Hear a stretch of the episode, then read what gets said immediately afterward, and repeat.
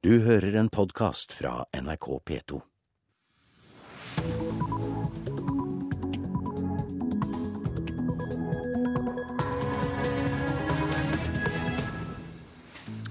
Og dette er eh, NRK. Nyhetsmorgen på P2 og Alltid nyheter. Onsdag 4. september klokka halv sju har vi disse overskriftene. I USA har Senatets utenrikskomité utarbeidet en resolusjon som støtter Obamas plan om et angrep på Syria. Politiker og korrupsjonsjeger Eva Jolie mener det ville være en skam om Fremskrittspartiet kommer i regjering. Hvordan kan man stemme på et parti som er basert på fiendtlighet, hat, eksklusjon? Det skjønner ikke jeg. Høyre ble klart største parti i skolevalgene. Men De Grønne ble slått av Piratpartiet. I år har mange vært ekstra spent på Miljøpartiet De Grønne, som endte på 3,7% De må imidlertid se seg slått av nykommeren Piratpartiet, som er mot overvåking og for fildeling på nettet. De fikk 4,3% av stemmene fra nettglade ungdommer. Og I denne sendingen så skal vi også høre om politikere som har tatt et klart standpunkt mot eget partiprogram. Her i studio, Øystein Heggen. I USA har utenrikskomiteen i Senatet utarbeidet et forslag til en resolusjon som støtter president Barack Obamas plan om et angrep på Syria. Angrepet er ment som en reaksjon på at Syrias regjering ifølge USA har brukt kjemiske våpen mot egen befolkning. President Obama is not asking America to go to war. La meg være klar. President Obama ber ikke Amerika om å gå til krig, sa USAs utenriksminister John Kerry til Senatet og forsvarsminister Chuck Hagel la til at de militære angrepene i Syria er ment for å holde Assad-regimet ansvarlig og avskrekke regimet fra videre bruk av kjemiske våpen.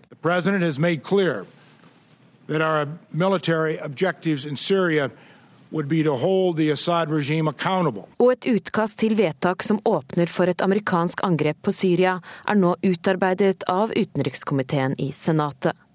Ifølge nyhetsbyrået Reuters krever utkastet at et eventuelt angrep skjer innenfor et tidsrom på 60 dager, men grensen kan flyttes 30 dager under visse betingelser. I teksten slås det også fast at USA ikke kan sende bakkestyrker til Syria. Komiteen vil trolig stemme over utkastet i dag.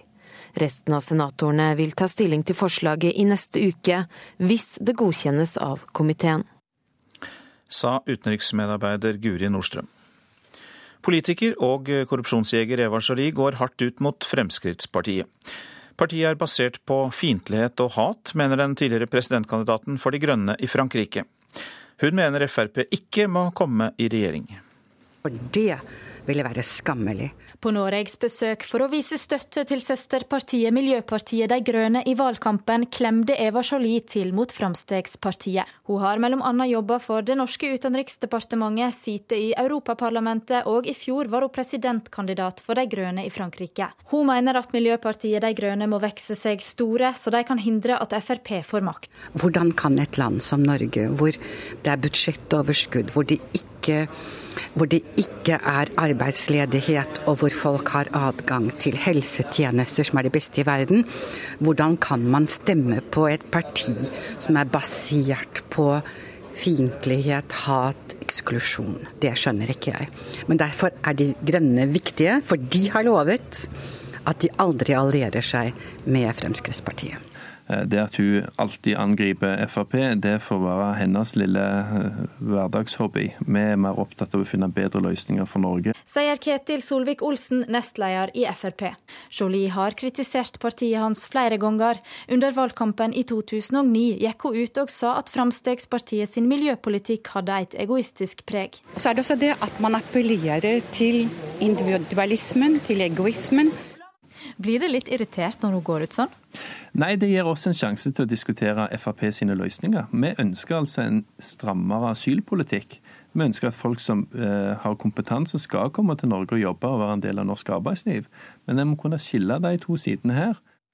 Ja, Ketil Solvik-Olsen som altså svarte på kritikken fra Eva Jolie. Reportere Eirin Årdal og Helene de Bellis. Høyre har gjort sitt beste skolevalg noensinne og ble størst for aller første gang. SV ble halvert sammenlignet med skolevalget i 2009, mens Arbeiderpartiet står på stedet hvil. Og mange av skoleelevene er førstegangsvelgere ved dette valget. Man må jo bruke stemmeretten sin, så det er jo viktig at man gjør det. Jeg har ikke bestemt meg helt 100 ennå, men jeg veit hva det står imellom, så jeg har bestemt meg hva jeg ikke skal stemme i hvert fall. Så spørs det hvilket parti Ørjan Sørheim fra Askim videregående lander på når han får tenkt seg enda litt bedre om. Ikke så rart at jubelen står i taket på Unge Høyres valgvake når resultatet er klart. Det føles utrolig deilig. Fantastisk. Høyre fikk 28,3% av stemmene, og det er en fremgang på vel 12% i forhold til skolevalget i 2009. Også sjefen sjøl, Erna Solberg, var selvfølgelig fornøyd, om enn ikke like høylytt. Kjære unge Høyre, gratulerer med et fantastisk skolemøteresultat. Det er det. Arbeiderpartiet ble nest størst med 23,2% omtrent som for fire år siden. Ungdommen er blitt streitere, mener valgforsker Markus Buch, som vi snakket med like før valget. Men det er også sånn at fløypartiene kunne ikke forvente at de skulle vokse inn i himmelen blant ungdom. Eh, ungdom i stor grad følger jo de generelle eh, valgvinnene generelt sett. SV er et av partiene som har sluttet å vokse i skolevalget. Med en oppslutning på vel 5% er de halvert siden skolevalget for fire år siden. Frp opplever også kraftig tilbakegang til 15,6 i Stavanger kan Grønn Ungdom, som er ungdomsorganisasjonen til Miljøpartiet De Grønne, fortelle om økt interesse og flere medlemmer. Fantastisk. Det har jo eksplodert både på landsbasis og på fylkesbasis, og her bare i Stavanger, i vårt lokallag. Eh, og det er jo intet vi ønsker mer, for vi trenger alle de krefter vi kan få til å drive valgkampen videre de siste dagene i innspurten nå. Skolevalget sier mye om hvilken vei valgvinden blåser. I år har mange vært ekstra spent på Miljøpartiet De Grønne, som endte på 3,7 De må imidlertid se seg slått av nykommeren Piratpartiet, som er mot overvåking og for fildeling på nettet. De fikk 4,3% av stemmene fra nettglade ungdommer. Senterpartiet fikk 4% Venstre 6,6 Rødt 3,7 og KrF 2,9% ifølge tallene som Norsk samfunnsvitenskapelig datatjeneste leverer for Utdanningsdirektoratet. Ja, Man får liksom litt lyst til å stemme på alle sammen til slutt. Ja, det er veldig mye å sette seg inn i. Katrin Hellesnes og Lars Nehru Sand var reportere. Chelsea Manning, som er dømt til 35 år i fengsel for å ha lekket hundretusenvis av hemmelige dokumenter til Wikileaks, ber om benådning. 25-åringen ble dømt i forrige måned etter å ha blitt funnet skyldig i den største etterretningslekkasjen i amerikansk historie. Manning har nå formelt sett bedt president Barack Obama om å bli benådet. Etter dommen så ba Bradley Manning om å bli kalt Chelsea, og fortalte at han ville leve videre som kvinne. Så har vi fått melding om at Ariel Castro er funnet død på cellen sin. Det melder amerikanske medier. Castro holdt tre kvinner fanget i huset sitt i Cleveland, der han voldtok og torturerte dem. Han ble for en drøy måned siden dømt til livstid pluss 1000 år i fengsel. Ifølge nyhetsbyrået Ap skal Ariel Castro ha tatt sitt eget liv. Mens norske velgere snart flokker seg rundt stemmeurnene, så er britene bare halvveis i sin valgperiode.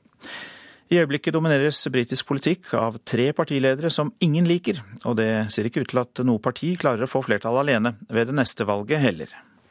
Ed Miliband's not popular in the public. People don't think he looks like um, a prime minister in waiting. Ed Miliband er ikke populær blant folk. Folk syns ikke han ser ut som en kommende statsminister. Mange syns han virker ærlig og vil folk vel, men de ser ikke på ham som en som kan lede folket i kriser. Den som sier dette om lederen av det britiske arbeiderpartiet Labour, er Peter Kellner, styreleder i meningsmålingsfirmaet Yougov her i Storbritannia. Litt over halvveis i valgperioden oppsummerer han ståa i britisk politikk, hvor de tre dominerende partiene hver har sin leder som egentlig ingen liker. At the moment, there is a general anti-political feeling is that people don't like the traditional parties, they don't rate the three main party leaders, and they're not at all confident that life is going to get better anytime soon. I dag er det koalisjonen av statsminister David Camerons konservative parti og liberaldemokratene som utgjør regjeringen, og som sammen har flertall i parlamentet. Sist britene gikk til urnene, klarte de ikke å velge frem et parti som hadde flertall alene, noe som ikke hadde skjedd siden slutten av 20-tallet. Og nå ser det ut til at historien gjentar seg. Selv om Labour i øyeblikket leder på meningsmålingene, er det med knappe 7 prosentpoeng. De fikk ingen effekt av å ydmyke David Camerons regjering ved å stemme ned krigsplanene hans mot Syria før helgen. Den som til sjuende og sist vinner valget, er den som forteller den beste og mest overbevisende historien om økonomien i Storbritannia, sier YouGov-lederen. Able to tell a story based on two years of steady, continuous growth. Not necessarily fast growth, but steady growth. Altså er det historien om økonomisk vekst som folk kjøper, ja da vinner de konservative. Men er det historien om at levestandarden er for lav, så vinner Arbeiderpartiet. De har ennå to år på seg til avgjørelsens time. Til da må britene finne ut hvem de misliker minst av de tre som de misliker. Espen Aas, London. Telenor skal snart starte byggingen av et mobilnett i Myanmar, også kalt Burma. Landet har vært styrt av et militærregime i 50 år. Etniske konflikter, strid om arealer og risiko for å gå på landminer gjør det vanskelig for Telenor å reise mobilmaster over det meste av landet, som de har forpliktet seg til.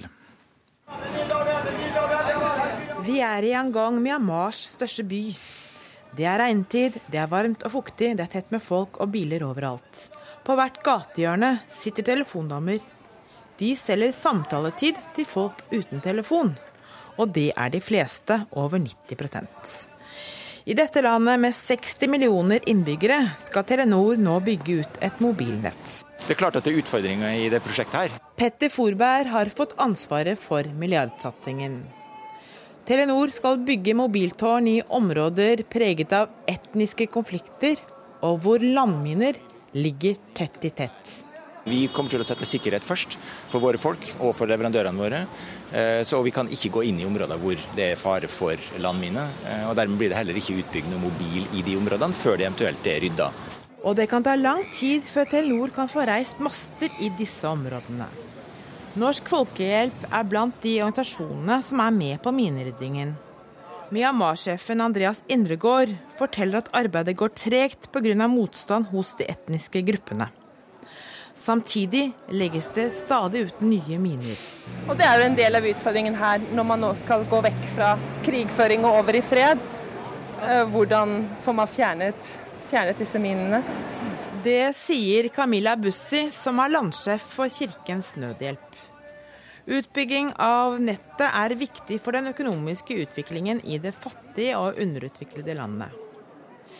Gjennom lisensen forpliktet Telenor seg til å dekke 85% av Myanmar.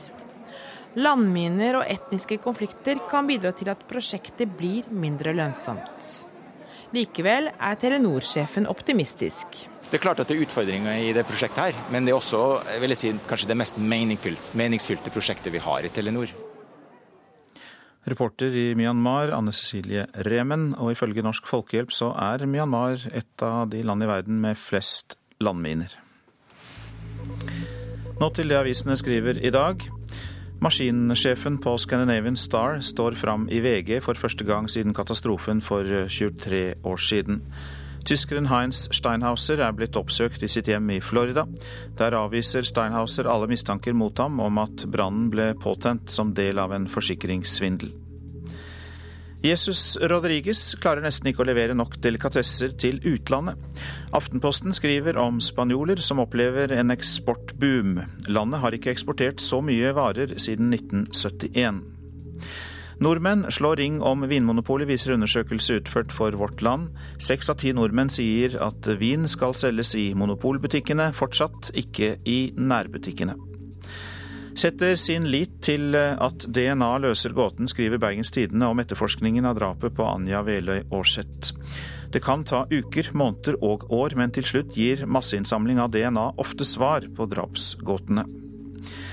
50 etterforskere jakter på drapsmannen, det skriver Dagbladet om samme sak. Nøkkelen kan ligge i møysommelige avhør og nye spor. Syriakrisen, klimakrisen og finanskrisen er på menyen når USAs president kommer til Stockholm i dag. Barack Obama skal møte nordiske statsministre, men kommer noen av dem til å nevne varsleren Edward Snowden, spør avisa. Oppgangen i Nokia-aksjene etter at Microsoft kjøpte mobilvirksomheten, kan ha kostet en norsk forvalter 850 millioner kroner, skriver Dagens Næringsliv. Ole Andreas Halvorsen i Viking Global Investors satset nemlig på kursfall i Nokia-aksjen. Frp-Siv er, skaper frykt, er Klassekampens overskrift. Avisa har snakket med 23 samfunnsdebattanter, og de fleste avisa har snakket med, frykter Frp i regjering. Boliger på matjord ved Universitetet i Ås skal stanses, skriver Nasjonen. Landbruksminister Trygve Slagsvold Vedum lover å stanse salg av areal som skulle sikre penger til vedlikehold av bygninger ved universitetet. Slik lever de sju søstrene fra Namsos nå. Det skriver Adresseavisen, som har besøkt en tvangsreturnert familie i Jordan. Føler at eh, livet er ødelagt, sier en av dem, som nå bor i en palestinsk flyktningleir nær grensen til Syria.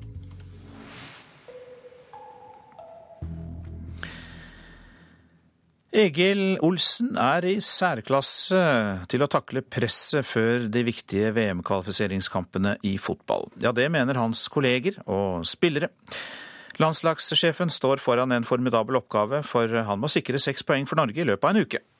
Jeg syns han er veldig flink til å være klar på, på det han vil med laget, og, tydelig og enkel i kommunikasjonen. og eh, I motsetning til en del trenere som, som ikke tåler presset, så, så, så syns jeg Egil framstår veldig sånn rolig og fokusert. Eh, lar seg ikke rive med i den ene eller andre retningen, enten det går godt eller dårlig. Så det er en, en bra kvalitet. Landslagskaptein og englandsproff Brede Hangeland mener Drillo beholder roen på landslagssamlingen foran kampene mot Kypros og Sveits, som som spilles fredag og tirsdag. Og ny mulighet! Henriksen igjen! Men det vil seg ikke! Albania får en tå på den! Norge har ikke imponert så langt i VM-kvalifiseringen. Fjerdeplass i sin gruppe med åtte poeng, seks poeng bak gruppeleder Sveits og to poeng fra andreplassen, som gir mulighet til playoff. Presset er stort. Drillo er jo blant de mest rutinerte landslagssjefene i hele Europa. Sier toppfotballsjef og tidligere landslagssjef Nils Johan Semb. Han er eh, dyktig til å fokusere på det han skal fokusere på, bruke energien sin på det som er viktig, og klare å legge bort eh, ting som han ikke skal bruke energi på. Ja, Veldig hyggelig å være her i dag. Selv er Egil Olsen rolig og avslappet. Også når det kommer spørsmål om hans egen fremtid og hvem som skal bli hans etterfølger hvis Norge ikke kvalifiserer seg til VM i Brasil neste sommer. Vet jeg ikke om jeg skal uttale meg om. Jeg er klart jeg har tanker om det. og Still de spørsmåla til Nils Johan. Det er han som er sjefen her. Det er i hvert fall han som eh, skal bestemme dette her. Og eh, første utfordring er Kypros på fredag. Den kampen kan du kanskje kose deg med på eh, radio NRK P1 klokka 19. Reporter her var Geir Elle. Du lytter til Nyhetsmorgen. Klokka passerte nettopp 6.48, og dette er de viktigste sakene. Ariel Castro er funnet død på cellen sin. Han eh, ble dømt for å ha voldtatt og torturert tre kvinner han holdt fanget i huset sitt i Cleveland i USA. Og i USA har Senatets utenrikskomité utarbeidet en resolusjon som støtter Obamas plan om et angrep på Syria. Politiker og korrupsjonsjeger Eva Jolie mener det ville være en skam om Fremskrittspartiet kommer i regjering.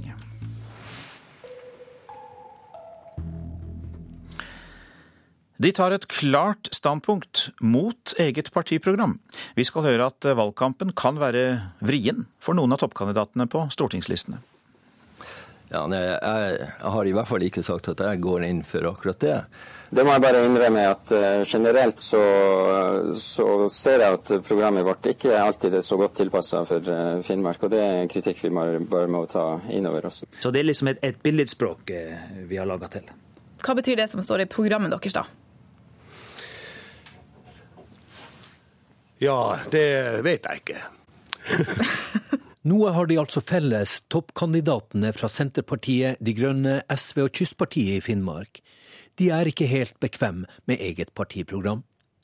La oss høre litt mer på Bengt Stabrun Johansen, førstekandidat, men også partileder for Kystpartiet, som i partiprogrammet sier de vil innføre et tobakks- og ølmonopol i alle kommuner i Norge. Problemet er at partilederen ikke har fått dette med seg, og noe han er sterkt uenig i. Nei, akkurat den biten har ikke jeg sett meg så veldig mye inn i, og jeg kan ikke helt eh, skjønne hvorfor vi skal ha et øl- og tobakksmonopol. Eh, det, det, nei, den, den eh, kan jeg ikke helt eh. Vi har i dag øl og tobakk i, i salg i butikkene, og sånn sett så er det tilgjengelig. Og det er tilgjengelig på, i alle kommuner. Og den ordninga syns jeg personlig er, er grei å fortsette med. Nei, Det er jo for ille. De bør jo være litt sånn samkjørt før de starter med valgoppkjøringa. Sånn at de vet hva partiet står for, både her nordpå og sørpå i det hele tatt. Blant tilfeldige velgere på gata i Alta er dommen klar. Politikerne må holde seg til partiprogrammet. Det blir jo som en arbeidsplass. Du må være lojalitet til arbeidsplassen din. Sånn er det for politikerne også. Hvis de stiller opp for et parti, så må de til en viss grad være lojal mot eh, partiprogrammet. Så har de jo ikke noe i det partiet å gjøre.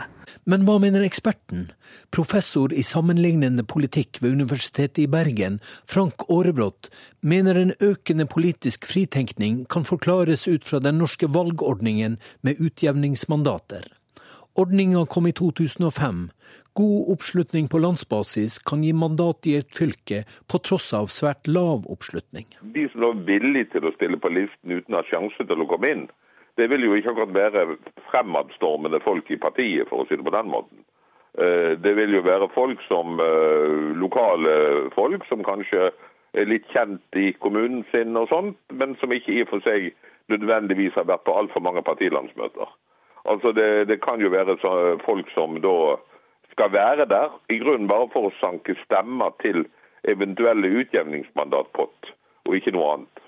Derfor dukker det opp politiske listetopper flere steder i landet som ikke alltid følger partiboka. Og det er klart at Hvis du ser på en del av kandidatene for, eh, i sånne håpløse fylker for Miljøpartiet De Grønne nå, så har jo du en mann som eh, støtter president Assad, og du har en annen kar i et annet fylke som tror på engler. Altså, du har jo en del rare, litt rare representanter på De grønnes liste.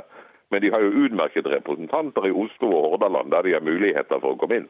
Da, da må velgerne tenke på at, at jeg finner ut at hva det egentlig han vil. For hvem skal vi tro på, stortingskandidaten eller partiprogrammet? Partiprogrammet. Helt utvilsomt. Det er det vedkommende blir nødt til å stemme for hvis han kommer på Stortinget, uansett hva han sier på stands. Reporter her, det var Rolf Jacobsen. Høyblokka i regjeringskvartalet må bevares. Ja, det mener åtte av ti arkitekter NRK har spurt, selv om regjeringens ekspertutvalg har anbefalt riving. Mens administrasjonsministeren legger vekt på sikkerhet, er det arkitektur og kulturhistorie som veier tyngst for arkitektene.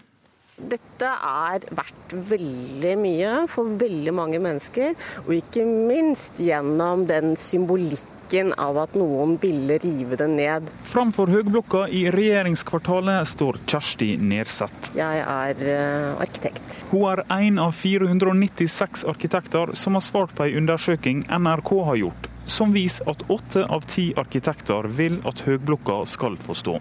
Men 65% av arkitektene vil bevare både høgblokka og den låge Y-blokka som slynger seg rundt nordsida av regjeringskvartalet, mener ytterligere 18% at høgblokka bør stå, mens Y-blokka bør rives. Jeg syns at, at høyblokka er et veldig flott bygg i forhold til størrelsen, dimensjonene, hvordan det står i forhold til plassen, i forhold til materialene. I sommer kom et ekspertutvalg fram til at det etter ødeleggingene 22.07 vil være best å rive begge byggene for å bygge nytt.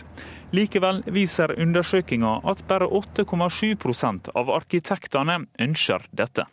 Viksjøs idé det er å forsøke å få en mer arkitektonisk enhet Planene for Y-blokka legges fram i et NRK-program fra 1964. 50 år etter Erling Viksjø satt sitt tydelige preg på Oslo, må administrasjonsminister Rigmor Aasrud lytte til motstridende visjoner for kvartalet. Jeg registrerer jo her at dette er ei gruppe som ønsker å bevare. I andre undersøkelser der eh, befolkningen spørres, så, spørres, så blir det jo litt andre resultater. Det hun fester seg ved, er grunngjevinga arkitektene gir. Ja, det er det. Og det som kanskje overrasker meg aller mest, er at uh, arkitekter har så lite fokus på sikkerhet. For mens vel 70% mener arkitektonisk kvalitet og kulturhistorisk verdi veier tyngst for deres syn i saka, er økonomi og sikkerhet det arkitektene i denne undersøkinga ser ut til å være minst opptatt av.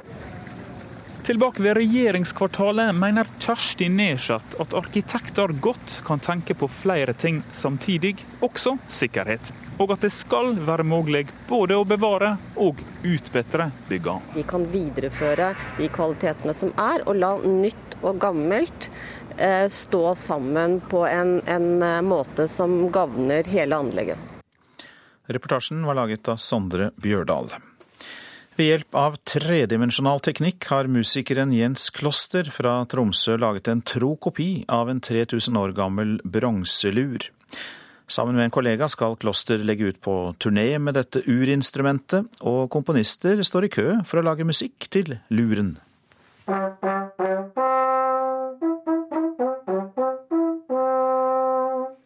Det er vår kulturarv. Det er det der har bygd oss som mennesker, som kulturpersonligheter.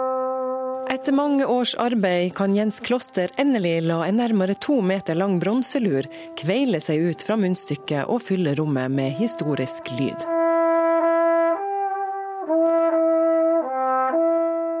Det her er liksom urinstrumentet for vi blåser. Jeg er trombonist, og det her er jo en trombone, bare uten, uten sliders. Det hele starta i 1999, da Tromsø museum spurte han om han kunne spille bronselur i et arrangement. For å oppfylle ønsket fikk han låne en lur fra museet i Bergen. Da jeg måtte sende den tilbake igjen til Bergen, da gråt jeg mine tårer. Jeg tenkte nei, jeg vil beholde det her instrumentet. her. Han trodde han skulle finne en annen bronselur, men det var ikke lett. Originale museumsgjenstander fikk han ikke spille på. Og noe enklere ble det ikke da han etter grundig forarbeid bestemte seg for å gjenskape luren. Så jeg tok kontakt med en bronsestøper. Har du lyst til å lage sånn en? Så sier han ja, lyst har jeg, men det er umulig, sier han. Det er ingen der klarer å støpe sånn noen ting. Kunsthåndverk, altså håndverket, det går tapt, simpelthen. Kloster ville ikke gi seg. Han fikk kollega Gaute Vikdal fra Stavanger symfoniorkester med på prosjektet. Og med penger fra private fond gikk de i gang med en teknikk som skulle gjenoppdage kunsthåndverket. Gamle lurer ble skanna, og med 3D-teknikk har de klart å framstille nye instrumenter av de gamle. Etter fire års arbeid var luren klar. Flere komponister er i gang med å lage musikk, og Bjørn Andor Drage fra Bodø har allerede skrevet et verk for bronselurene. På en måte så er det blitt et veldig flott musikkhistorisk forskningsarbeid, takket være Jens og Gaute. Jens Kloster vil ikke bare presentere musikk, men vil videre i forskningsarbeidet. Målet er å få nok penger til å lage flere bronselurer, og Kloster mener dette har kulturhistorisk betydning. Formidle bronsealderen. Det er jo en eldgammel kultur, den her. Vi kjenner den fra helleristning, f.eks. fra Alta, hvor vi har store helleristningsfelt. Der ser vi langbåt. Jeg tror jo at der står en bronselur i fronten der. Vi har helleristninger som er nesten like fra Sør-Skandinavia. Og faktisk er det et felt i Nordland også hvor det er en, en uh, som er helt sikker på sånn langbåt. Ja, det sa Jens Kloster. Reporter Hege Irén Hansen. Så noen ord om været fram til midnatt. Østafjells og fjellet i Sør-Norge lokal morgentåke eller lave tåkeskyer, ellers for det meste pent vær. Så ser vi på hele Vestlandet sør for Stad. Liten kuling på kysten i nord, utpå dagen øker det til stiv kuling. I kveld liten kuling da i sør. I ytre strøk av Sogn og Fjordane regn og yr først på dagen. Ellers blir det oppholdsvær på Vestlandet sør for Stad, men og perioder med sol. Møre og Romsdal og Trøndelag liten kuling utsatte steder på Sunnmøre. Litt regn i ytre og nordlige strøk av Trøndelag, ellers stort sett oppholdsvær. Fra i formiddag til dels pent vær, først kommer det pene været i sør. Helgeland fra i formiddag sørvestlig liten kuling utsatte steder. Regn av og til, i kveld opphold og lettere skydekke. Saltfjellet, Salten, Lofoten, Ofoten og Vesterålen. Fra i formiddag liten kuling utsatte steder. I kveld sørvestlig kan hende stiv kuling i Lofoten og regn. Troms stort sett opphold, men i kveld regn. Finnmark litt regn som brer seg østover. Utover dagen opphold. Nordensjøland på Spitsbergen. Sørøstlig liten kuling utsatte steder. Enkelte regnbyger på kysten. Ellers oppholdsvær og litt sol. Temperaturer eh, som ble målt klokka fem. Svalbard lufthavn sju. Kirkenes åtte. Vardø ti. Alta og Tromsø ni. Bodø ti. Brønnøysund elleve. Trondheim ti. Molde elleve. Bergen-Flesland 14. Stavanger-temperaturen har vi ikke fått inn, men Kristiansand-Kjevik hadde 12, Gardermoen 13, Lillehammer 9. Fra Røros mangler det også måling, men Oslo-Blindern hadde 14 grader da klokka var fem.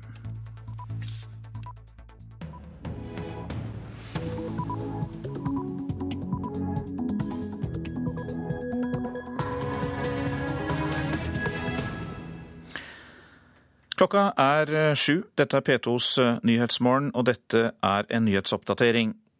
Kommunene trenger mange helse- og omsorgsarbeidere, men tilbyr ikke ungdom nok lærlingeplasser. Mange sitter fortsatt på gjerdet. 750 000 velgere har ennå ikke bestemt seg. Jeg prøvde å se på den valgkampen her om dagen, men ble ikke så veldig mye smartere av det. ja, Det var liksom så mye fram og tilbake. Det var ikke noe sånn der, De diskuterte jo bare med hverandre. Det var ikke noe sånn klart om hva de sto for, på en måte.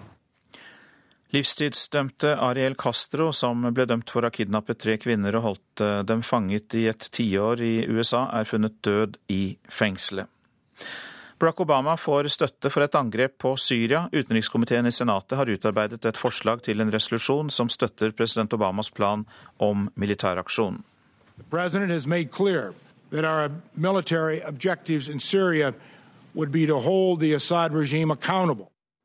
Forsvarsminister Chuck Hagel.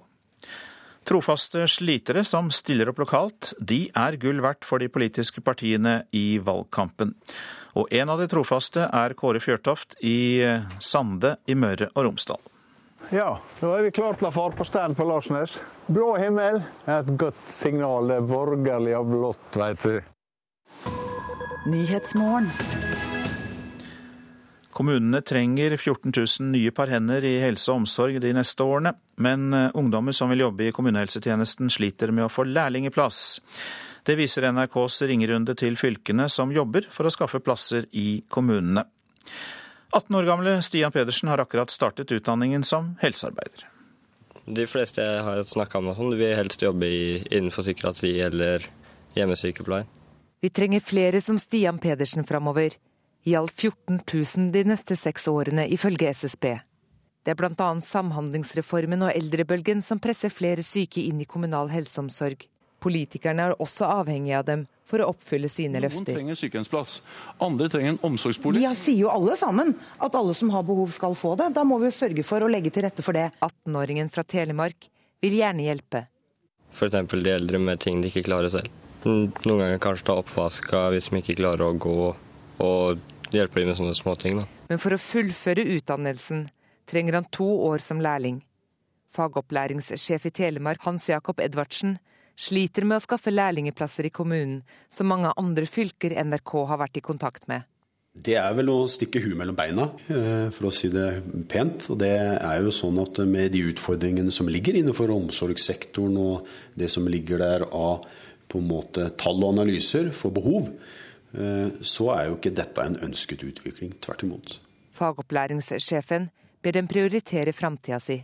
Så er det politikk som påvirker det. Hvordan da? Det er politisk styring eh, og prioritering. Trange kommunebudsjetter. Eh, så er det ofte sånn at det med rekruttering da og gi ungdommen tilbudet om å fullføre en utdanning, det er på en måte der man sparer inn, dessverre. Dumt at de ikke har flere plasser.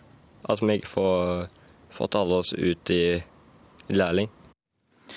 Ja, Stian Pedersen til slutt der, og reporter Maria Hasselgaard. God morgen, Sigrun Vågeng. God morgen. Du er administrerende direktør i kommunesektorens organisasjon KS. Ja, Du og kommunene trenger jo flere som 18-åringen Stian som vil hjelpe de eldre. Han trenger bare denne fagopplæringen for å få det til, så hvorfor tar ikke kommunene den jobben? Vi vet at noen steder er dette et problem, og derfor prøver vi å gjøre noe med det. Vi jobber med det. Vi har eh, først eh, blitt med på en samfunnskontrakt med alle arbeidstakere- og arbeidsgiverorganisasjoner, der vi har forpliktet oss til å skaffe 20% flere plasser frem til 2015. Det andre vi gjør, er at vi snakker med kommunestyrene om akkurat det fagopplæringssjefen nevner her. Det å ha en bevisst politikk på at i vår kommune ønsker vi å ta inn lærlinger. Og det er jo helt riktig, vi trenger disse unge menneskene. Ikke bare at de starter, men også at de kommer igjennom. Når noen kommuner sier nei, så skyldes det nok også i stor grad at lærlingetilskuddet i dag, som gis til enten det er til en kommune eller en bedrift, det er fortsatt en 30 000, om lag 30 000 under det det koster å ha en skoleplass. Og jeg mener, hvis vi mener på alvor at vi trenger flere læreplasser, så tror jeg det blir viktig for uansett hvilken regjering som sitter her eh, etter 19.10, at vi får opp det lærlingetilskuddet. Ja, men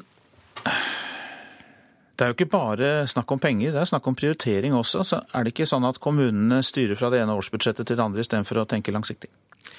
Hovedinntrykket er at eh, mange får læreplass. To av tre som søker, får. Og hvis du ser på andel sysselsatte i privat sektor sammenlignet med kommunal sektor, så har vi den samme andelen. Men du kan si hos oss er behovet så veldig stort fremover. Og selv om vi tilbyr læreplass til alle, så vil ikke det heller være nok. Vi må satse på voksne som kan ta et fagbrev. Og vi må jobbe fortsatt sammen med arbeidstakerorganisasjonene for å kunne tilby flere heltidsjobber, og at ansatte ønsker å ha heltidsjobber. For disse ungdommene som kommer inn hos oss, de ønsker seg en heltidsjobb.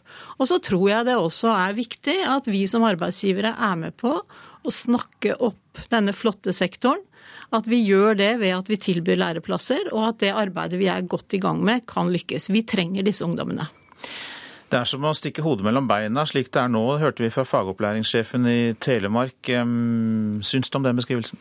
Jeg syns kanskje den er litt krass, men eh, det er jo sånn noen ganger at eh, i valget mellom å løse dagens problem og tenke litt lenger frem, så kan det være noen tenker at ok, da får vi sette dette litt på vent. Men skal vi kunne klare å levere de tjenestene vi skal ha fremover, så tror jeg vi har en felles oppgave, arbeidsgivere og alle de som jobber for å skaffe læreplasser, at vi kan få det til. Vi trenger disse ungdommene. Takk skal du ha. Sigrun Våging, du er altså da administrerende direktør i KS.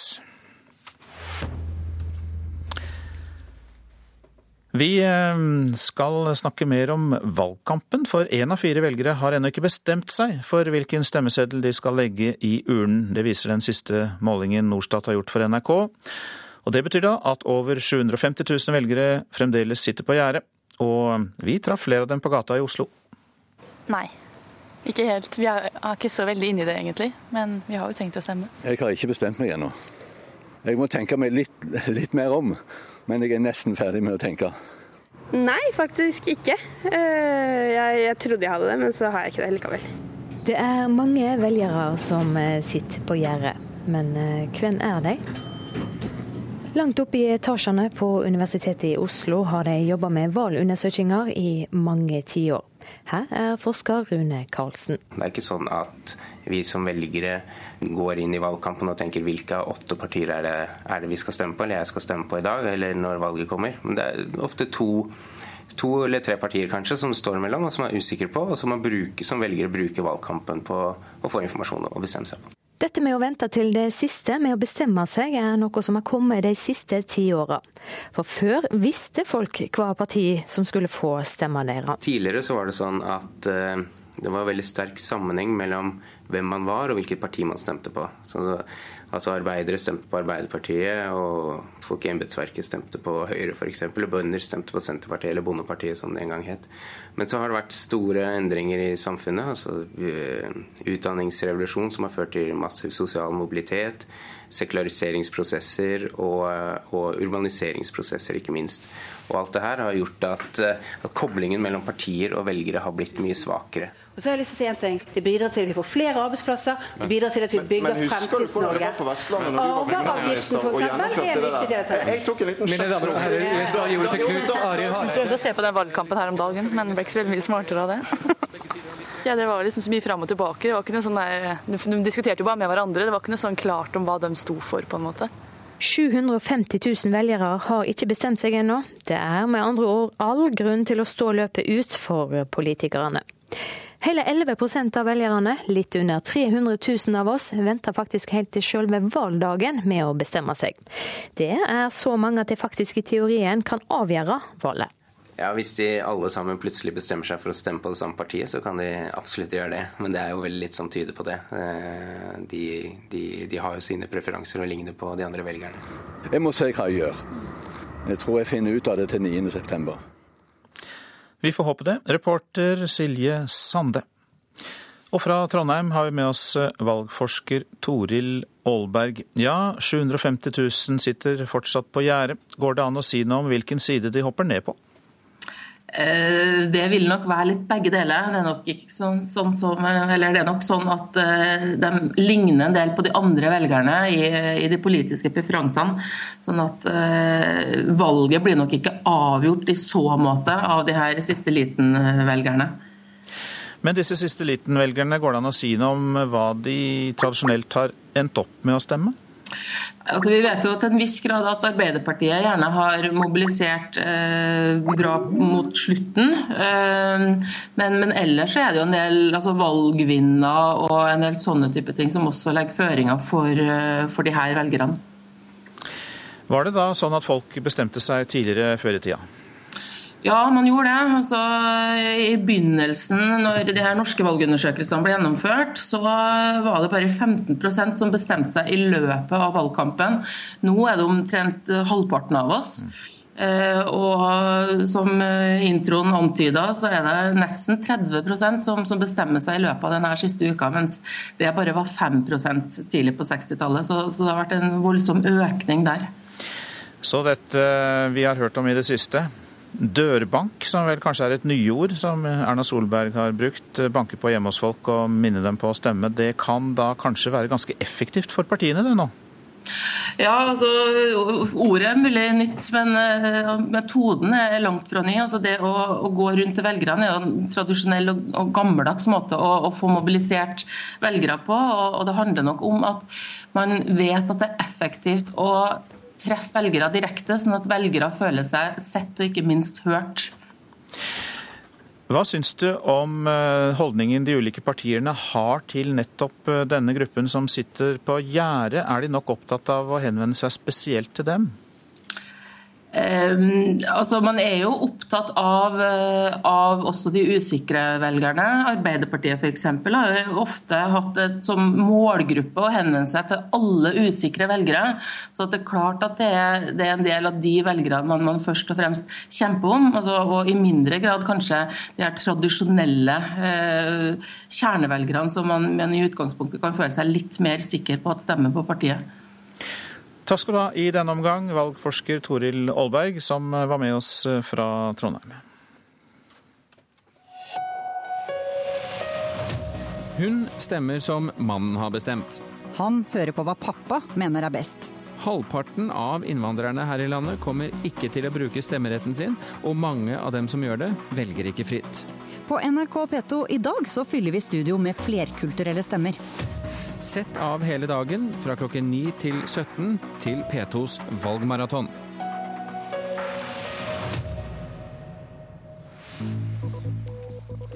Dette er P2s Nyhetsmorgen, og klokka den går mot 7.13. Dette er uh, hovedsaker i dag.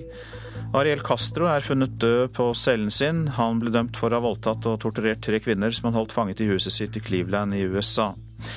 Det er behov for 14 000 nye folk i helse- og omsorgssektoren de neste årene, men ikke all ungdom som vil til den sektoren, får lærlingeplass.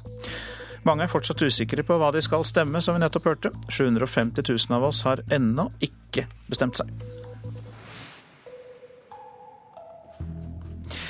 Ja, i USA er mannen som holdt tre kvinner innesperret i et tiår, Ariel Castro, funnet død i fengselet. Utenriksmedarbeider Guri Nordstrøm, du har fulgt med på dette, og du vet mer om det som har skjedd. Castro han skal ha blitt funnet død i cellen sin i går kveld i fengselet der han satt i delstaten Ohio. Ifølge nyhetsbyrået AP så skal han ha tatt sitt eget liv. I en pressemelding fra fengselsvesenet i Ohio sies det at han skal ha blitt overvåket hvert 30. minutt. Og ambulansepersonell satte i gang livreddende, livreddende førstehjelp Eh, Castro ble også brakt til sykehuset, men livet hans kunne ikke reddes.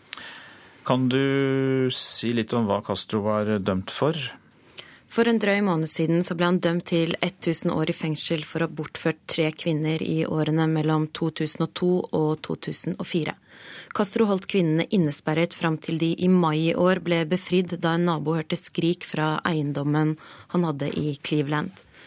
Eh, under rettssaken så sa en av kvinnene at Castro hadde laget et helvete for dem i over ti år, og at nå som han endelig var pågrepet, så var hans helvete akkurat i ferd med å begynne. Og da Castro ble dømt, så forsto han at han aldri ville slippe ut igjen. Og nå er han altså funnet død i cellen. Utenriksmedarbeider Guri Nordstrøm, takk skal du ha. Syrias president krysset ikke den røde linjen til USAs president, men verdenssamfunnets røde linje. Ja, det sa utenriksminister John Kerry i en høring i Senatets utenrikskomité i går kveld. Sammen med forsvarsministeren og forsvarssjefen var han sendt ut for å overbevise de folkevalgte om at det er nødvendig å bruke militær makt. Men Obama ber ikke om fullmakt til krig, forsikret Kerry. President Obama is not asking America to go to war. La meg være klar. President Obama ber ikke Amerika om å gå til krig. Forsvarsminister Hagel og forsvarssjef Dempsey her ved siden av meg vet hva krig er, la Kerry til.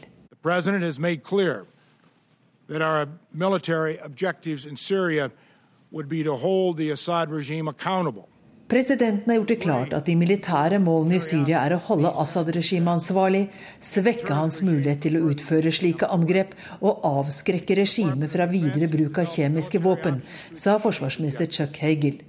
Men ikke alle senatorer var overbevist om at Assad vil la seg avskrekke av et kortvarig, begrenset amerikansk angrep. Da ble utenriksministeren ivrig.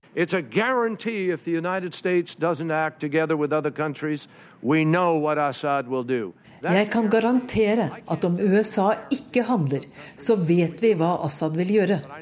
Det er en garanti, gjentok Kerry med referanse til et tidligere utsagn om at Syrias president vil gasse sitt eget folk igjen og igjen. På ett punkt fikk senatorene utenriksministeren på glattisen, nemlig i spørsmålet om muligheten for at bakkestyrker kan bli nødvendig. Imploded, instance, Dersom Syria skulle bryte sammen, eller dersom det var fare for at kjemiske våpen kunne komme i hendene på al-Nusra, som er tilknyttet Al Qaida, da ville jeg ikke utelukke noen alternativer som USAs president kan benytte seg av for å sikre vårt land, sa Kerry. Svaret fikk den republikanske senatoren Bob Corker fra Tennessee til å reagere. Jeg synes ikke det var et særlig passende svar på spørsmålet om støvler på bakken, sa Corker. Støvler på bakken er Washington-slang for bakkestyrker. Kerry forsikret at han bare hadde reist et hypotetisk spørsmål, og la til.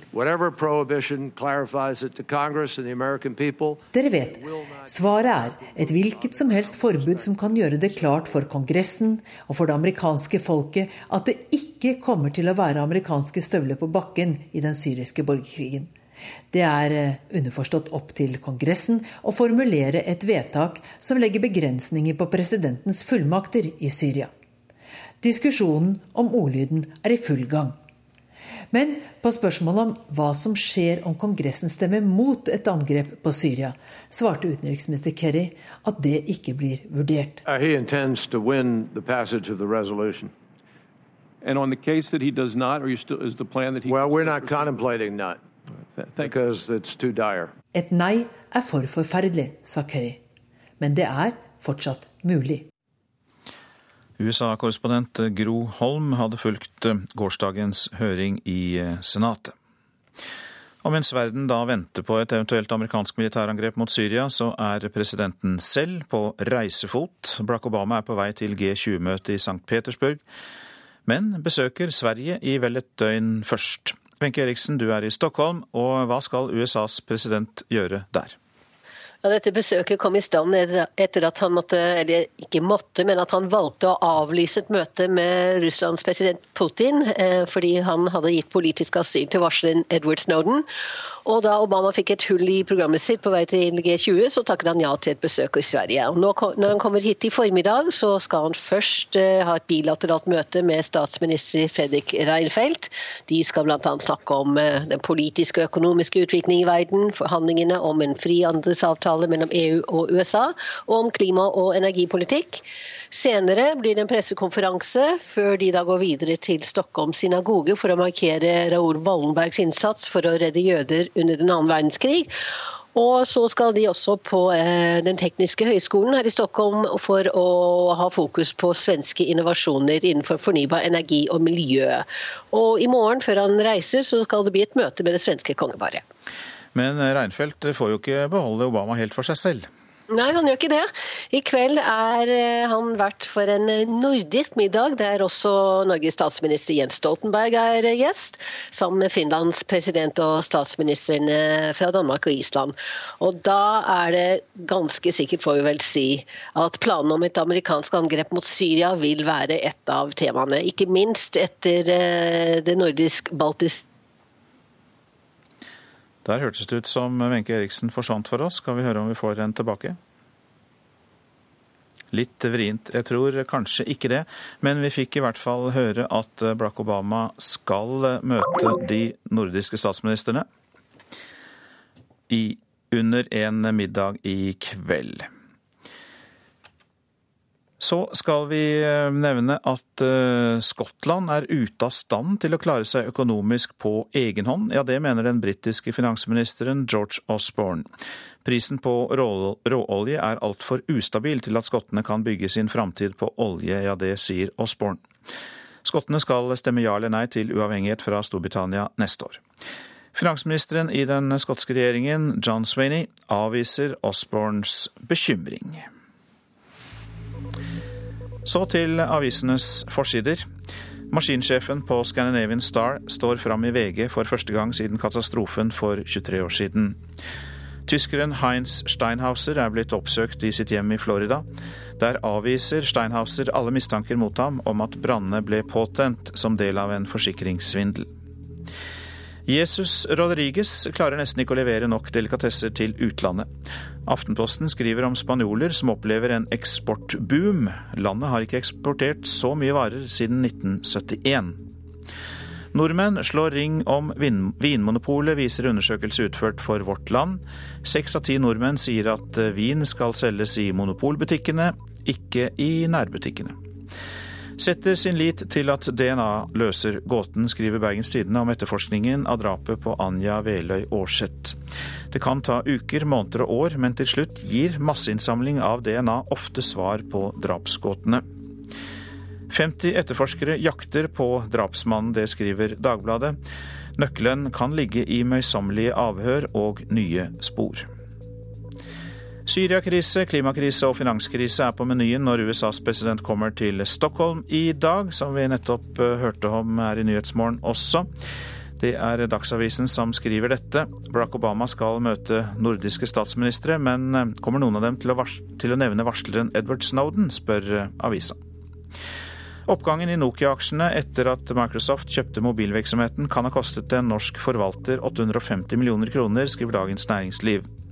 Ole Andreas Halvorsen i Viking Global Investors satset nemlig på kursfall i Nokia-aksjen.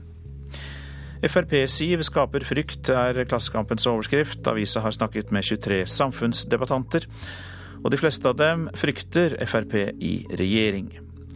Boliger på matjord ved Universitetet i Ås skal stanses, skriver Nasjonen. Landbruksminister Trygve Slagsvold Vedum lover å stanse salg av areal som skulle sikre penger til vedlikehold av bygninger ved universitetet.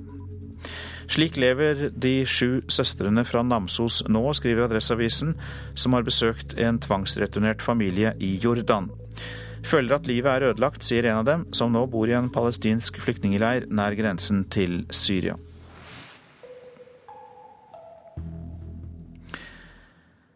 I går gikk politiet i Ålesund ut med en etterlysning av føreren av en sølvgrå Toyota Yaris.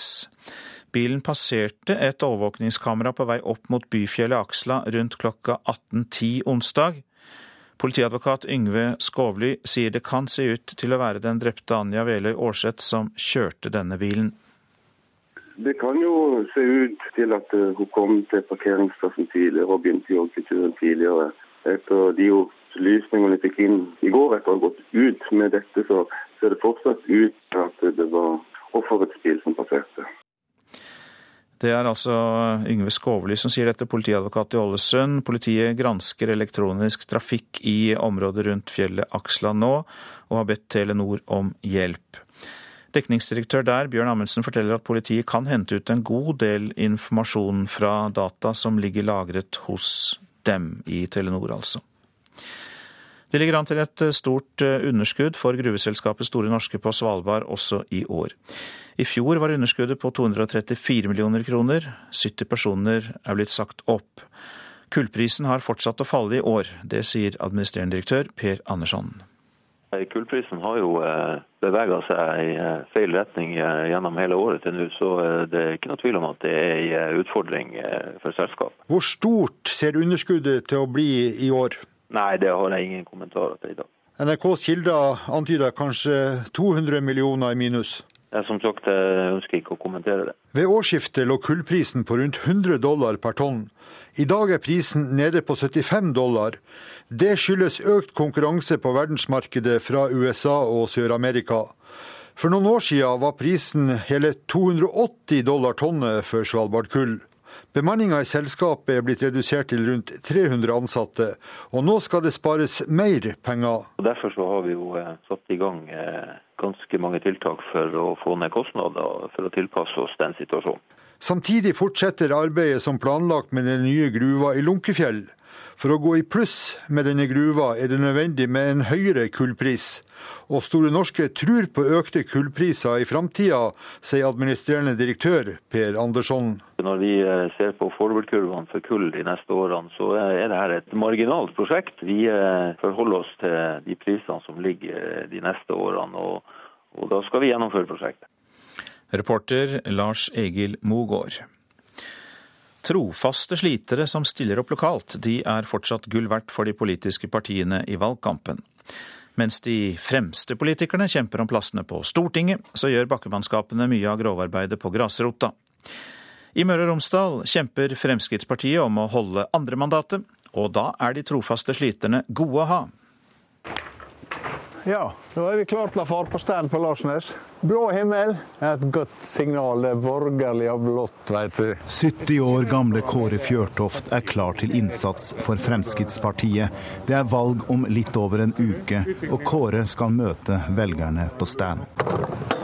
Ja, så er plakatene er her. Det er ikke Kåre selv som står på valg. Han jobber for at andre skal komme inn på Stortinget. Kåre Fjørtoft er en av de trofaste sliterne som partiene er avhengig av. Jeg føler det er veldig viktig. For hvis ikke vi på grasrota vil stå opp og jobbe, så hvem som skal da prate? Det kan ikke bare sitte noe og debattere i TV. I kommunen betyr det tror jeg veldig lite. Så eh, at folk engasjerer seg og er med, det er viktig. Både i stortingsvalget og spesielt i lokalvalget. Han er en representant for frivilligheten som Norge hadde aldri vært der de er i dag, hvis ikke vi hadde sånn som Kåre Fjørtoft. Han som kjemper for å holde plassen sin på Stortinget, berømmer innsatsen til Kåre Fjørtoft og andre trofaste slitere. Oskar Grimstad har sittet fire år på Stortinget for Fremskrittspartiet. Nå skal velgerne avgjøre om han får fire år til.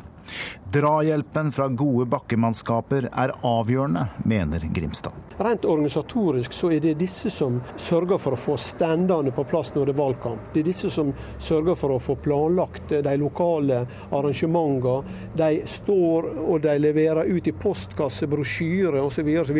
Hvis ikke vi hadde disse her, så hadde vi rett og slett ikke nådd ut til folket. Så viktig er de. Kampen om velgerne er en kamp om oppmerksomheten. Hva som skjer i TV-ruta har alltid vært viktig.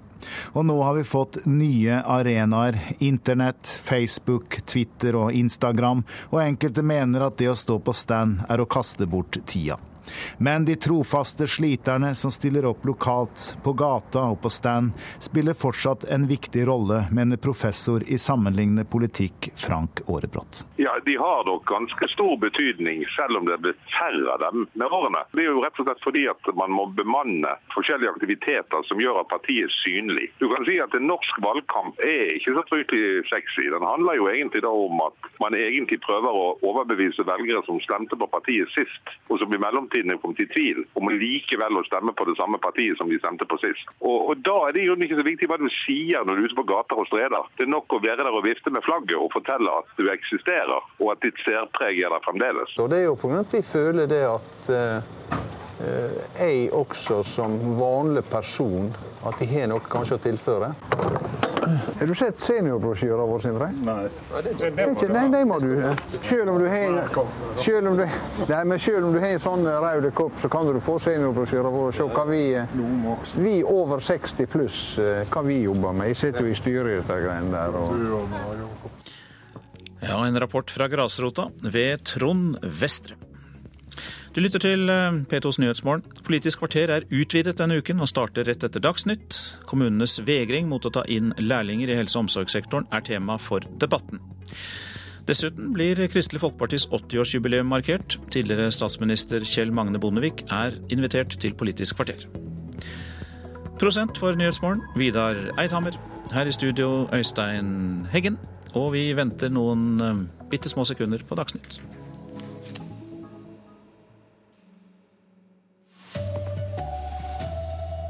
Kjempebehov for ansatte i helse og omsorg de neste årene. Men ungdom som vil, får ikke lærlingeplass i kommunene. Mange hundre tusen nordmenn har ennå ikke bestemt seg for hvilket parti de skal stemme på. Og Barack Obama er nå på vei til Stockholm. Her er NRK Dagsnytt, klokken er 7.30. Ja, kommunene trenger 14 000 nye par hender innen helse og omsorg de neste årene. Men ungdom som vil jobbe i kommunehelsetjenesten sliter med å få en lærlingeplass. Det viser NRKs ringerunde til fylkene som jobber med å skaffe plasser i kommunene. 18 år gamle Stian Pedersen har akkurat startet utdanningen sin som helsearbeider. De fleste jeg har snakka med, sånn, vil helst jobbe i, innenfor psykiatri eller hjemmesykepleien. Vi trenger flere som Stian Pedersen framover i alt 14 000 de neste seks årene, ifølge SSB. Det er bl.a. Samhandlingsreformen og eldrebølgen som presser flere syke inn i kommunal helseomsorg. Politikerne er også avhengige av dem for å oppfylle sine løfter. Noen trenger sykehjemsplass, andre trenger en omsorgsbolig. Vi sier jo alle sammen at alle som har behov skal få det. Da må vi jo sørge for å legge til rette for det. 18-åringen fra Telemark vil gjerne hjelpe. F.eks. de eldre med ting de ikke klarer selv. Noen ganger kanskje ta oppvaska hvis de ikke klarer å gå, og hjelpe dem med sånne småting. Men for å fullføre utdannelsen trenger han to år som lærling. Fagopplæringssjef i Telemark, Hans Jakob Edvardsen, sliter med å skaffe lærlingeplasser i kommunen, som mange andre fylker NRK har vært i kontakt med.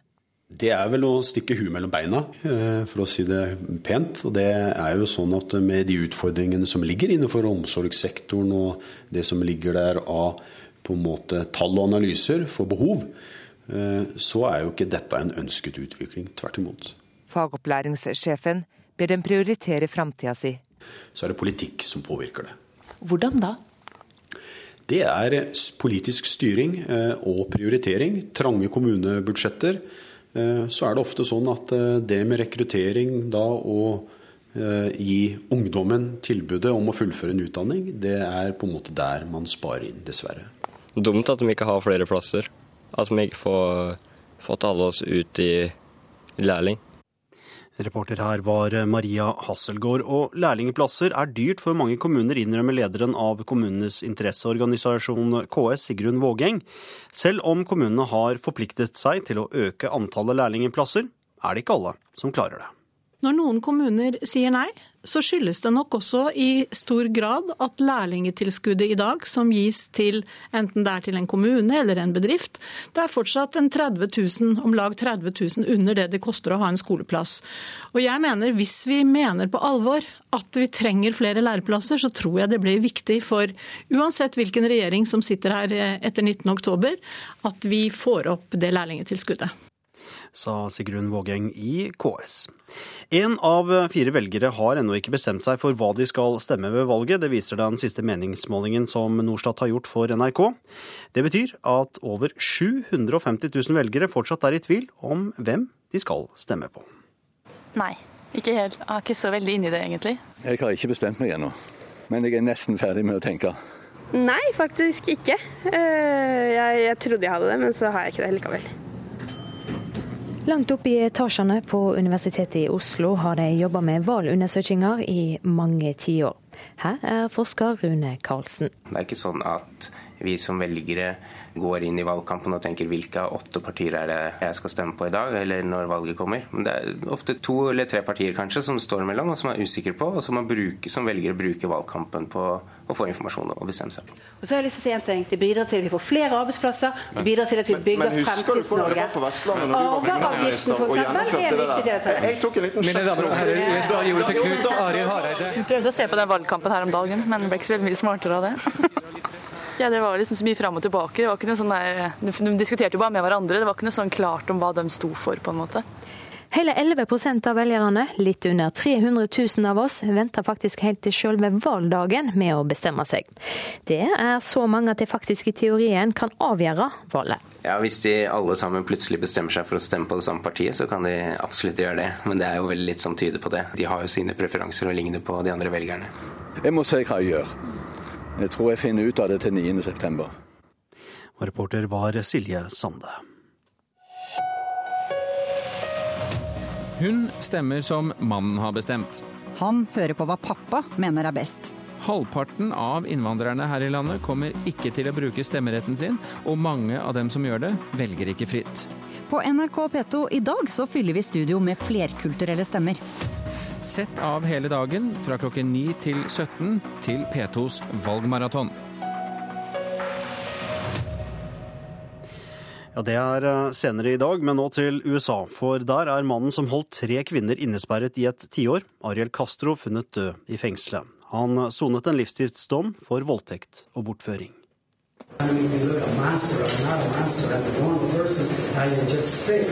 Jeg er ikke et monster, jeg er bare syk, sa Ariel Castro da han for en drøy måned siden ble dømt til 1000 år i fengsel. Den tidligere skolebussjåføren bortførte tre kvinner i årene mellom 2002 og 2004, og holdt dem innesperret i hjemmet sitt i delstaten Ohio. Kvinnene ble befridd i mai i år, da en nabo hørte skrik fra eiendommen i Cleveland. Nå er Castro funnet død på cellen sin. Ifølge nyhetsbyrået AP skal han ha tatt sitt eget liv. Ja, det sa reporter Guri Nordstrøm. Flyet med USAs president Barack Obama er nå på vei til Sverige. Obama tok av med presidentflyet fra Washington i natt, og reporter i Stockholm, Wenche Eriksen. Hva er det USAs president skal gjøre under besøket i Sverige? Ja, Han begynner med et møte med statsminister Fredrik Reinfeldt eh, etter at Obama lander her på formiddagen. Eh, de skal bl.a. snakke om frihandelsavtale mellom EU og USA, og klima- og energipolitikk vil også stå sentralt. Eh, det blir en pressekonferanse før de drar til Stockholm synagoge for å markere Raoul Wallenbergs innsats for jødene under annen verdenskrig, og de skal besøke Den tekniske høgskolen, og de skal på Slott i morgen. Eller Obama skal da. Reinfeldt har nok også har tidligere vært der. I kveld så er Reinfeldt vært for en nordisk middag der også Jens Stoltenberg kommer som Finlands president og statsministrene fra Danmark og Island. Og da er det jo ganske sikkert at planene om et amerikansk angrep mot Syria vil være et av hovedtemaene. Og så er det jo sånn at Når en amerikansk president kommer på besøk, så betyr det strenge sikkerhetstiltak. Hvordan merkes det i Stockholm? Ja, det er eh, som vi husker fra Obamas besøk i Oslo da han tok imot fredsprisen, og kanskje enda litt til. Fordi amerikanerne ser på Sverige som eh, mer risikofylt når det gjelder attentater, siden de har mistet både en statsminister og en utenriksminister eh, i attentater her i Stockholm. Det har også vært en selvmordsbombe for noen år siden. Store deler av Stockholm sentrum er sperret av. Biler har blitt kjørt vekk i løpet av natta. Eh, Trafikkaos er det. Det er helikopter i lufta og et par tusen politifolk og forsvarsstyrker som er ute for å, å sørge for at det ikke skjer noe under dette presidentbesøket. Takk skal du ha, Wenche, som altså følger president Barack Obamas besøk i Stockholm i dag. Nå til Ålesund, for der har politiet begynt å granske elektronisk trafikk i området hvor Anja Veløy Aarseth ble drept. Den elektroniske trafikken som ble sendt gjennom mobilnett i området er en viktig del av etterforskningen, og politiet har nå bedt Telenor om hjelp. 21-åringen ble funnet død på lørdag etter å ha vært savnet siden onsdag i forrige uke. Åtte av ti arkitekter vil bevare Høyblokka, selv om regjeringens ekspertutvalg har anbefalt riving. Det viser en undersøkelse NRK har gjort. Samtidig sier svært få arkitekter i undersøkelsen at sikkerhet er det hensynet som veier tyngst, og det overrasker administrasjonsminister Rigmor Aasrud, som har ansvaret for gjenoppbyggingen. LSK kvinner er klare for semifinalen i cupen etter at de i går slo Røa 1-0. Nå kjemper laget om både cup, seriegull og mesterliga. Men mange skader kan ødelegge sesonginnspurten, sier trener Monica Knutsen. Det er jo utfordrende. Isabel Herlovsen hun må ha begrensa med tid. Og Oda har en lyskeproblematikk. Mykjela Nytte Giske ute, så det, troppen er ikke så stor i utgangspunktet. Så da sliter vi litt. Kampene kommer tett for LSKs kvinner om dagen.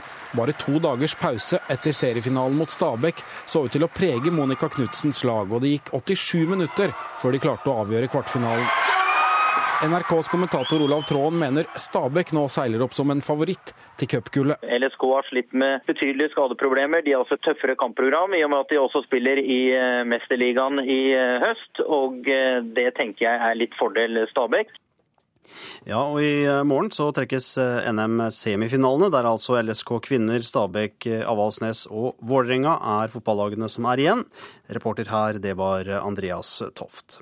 Ansvarlig for Dagsnytt-sendingene denne morgenen er Anne Skårseth, teknisk ansvarlig Beate Haugtrø. Jeg heter Arne Fossland. Du har hørt en podkast fra NRK P2.